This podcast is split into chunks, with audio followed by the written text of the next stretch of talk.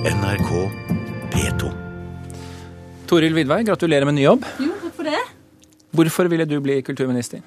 Ja, Først og fremst så fikk jeg jo tilbud om det. Det er jo en utrolig stor eh, ære å få lov å bli sjef for eh, Kultur-Norge. Man si sånn. ikke, man sier ikke nei. Ja, det kan man si, hvis man føler at man ikke har noe ting å bidra med. Men det føler jeg jo absolutt. Jeg er veldig engasjert. Jeg syns det er spennende områder å få lov å jobbe med kulturpolitikk.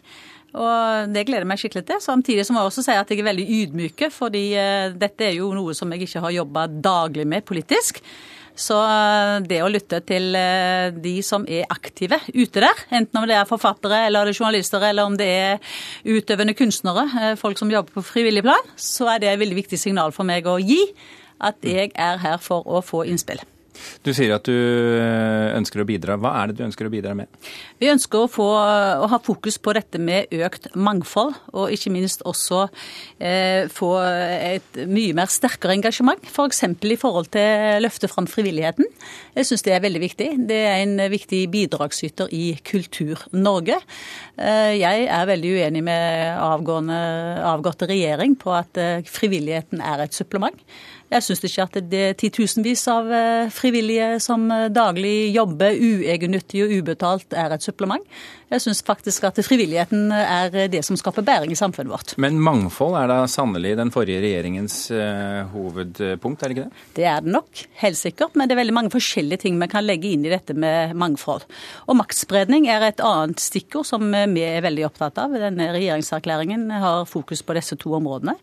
Eh, Og maktspredning kan skje på mange også områder. Jeg tror det er veldig viktig for oss å tenke på at vi kan få til f.eks. en eh, kartlegging av eh, alle de som nå er engasjert i råd og sitter for, i styrer for institusjoner. Veldig viktig for oss å sikre at vi har et bredt mangfold som er representativ i, i forhold til For styrer. Var det du som plukket ut Knut Olav Åmås som statssekretær? Det var det.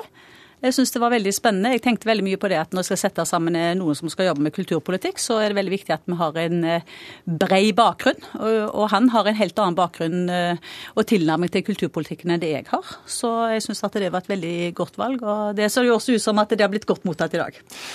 Kulturredaktøren i Dagbladet, han omtaler Åmås som de facto kulturminister. Hva tenker du om et sånt utsagn? Nei, Det får jo stå for hans eget uh, syn. Jeg tror Men, det som... men det er Åmås som har den brede erfaringen fra kulturlivet her? Det har det, men det er, det er en gang sånt at du har en statsråd som er konstitusjonelt, konstitusjonelt ansvarlig overfor eh, fagfeltet. Og uh, som jeg sa, så er det veldig viktig for meg å samle inn mest mulig synspunkter før beslutninger fattes. Og Det er grunnen til eh, at jeg også har valgt eh, Åmås. Det er jo fordi at han har masse erfaring, masse andre nettverk enn det jeg sjøl har. Og det er veldig viktig å bringe inn før vi tar beslutningene våre når eh, den nye kulturpolitikken skal utformes. Knut Olav Åmås, gratulerer med ny jobb. Tusen takk. Hvordan blir det å forholde seg til byråkratiet i Kulturdepartementet og ikke kunne bare levere en eh, sak som du vet kommer på trykk? Det tror jeg skal gå bra, og jeg gleder meg også til å samarbeide på andre måter med, med store deler av norsk kulturliv, og ikke minst å jobbe sammen med en erfaren politiker som uh, Toril Vidvei. Så jeg skal prøve å bidra så godt jeg kan med, med den erfaring jeg har, og gleder meg til å gå inn i en helt annen rolle enn den jeg har hatt til nå. Du har jo skrevet mye om mangt gjennom hele din karriere som eh, kulturredaktør i Aftenposten. Hvor fort kommer du til å møte deg selv i døren? Det har jeg gjort allerede i dag, eh, tror jeg.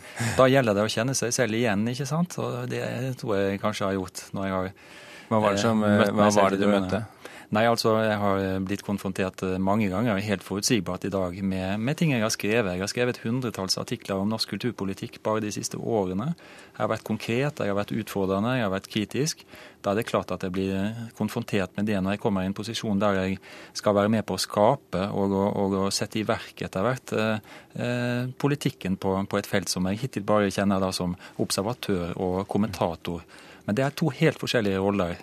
Ja, fordi at eh, På mandag så, eh, som kommentator så skrev du at eh, eh, regjeringen kan styrt eh, igangsette, styrt gjennomføre tre symbolsaker. Quick fixes, som du kalte det. Altså gaveforsterkningsordningen, skrote bokloven og renovere og istandsette Høyblokken og Y-blokka.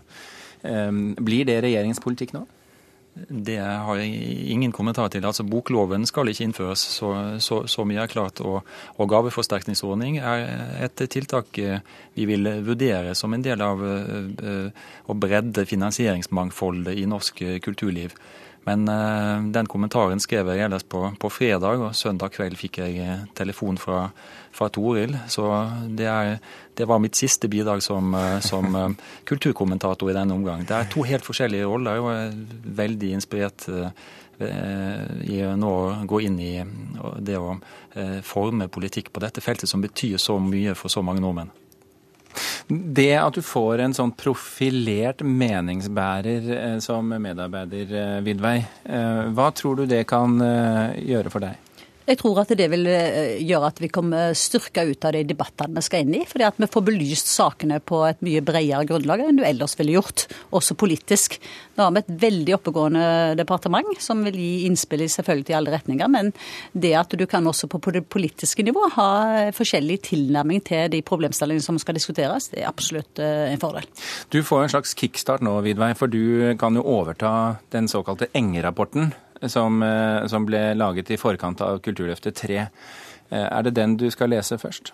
Ja, Det tror jeg er en av de vi kan lese. Vi ønsker jo å få et mye større satsing også på kultur eh, lokalt. Så Det tror jeg er et av de tingene som det ble grepet fatt i, og der er det jo absolutt noe som eh, vi bør engasjere oss i. ja. Levekår for kunstnere og deres mulighet til å leve av sitt, deres virke er jo også eh, noe som nevnes titt og ofte Eh, er det, noe, er, er det noe du ønsker å ta opp og, og brenne for, eller er det de større sakene? Ja, det, nå jeg tror ikke jeg at jeg skal for, eh, liksom, gi meg ut på hva vi skal starte først og sist med her i dag, men jeg tror det er veldig viktig å, for oss å gi et signal om at uh, av alle de midlene som nå er blitt retta inn mot kulturlivet, så har jo jeg også registrert at det er veldig lite evaluering som har vært gjort.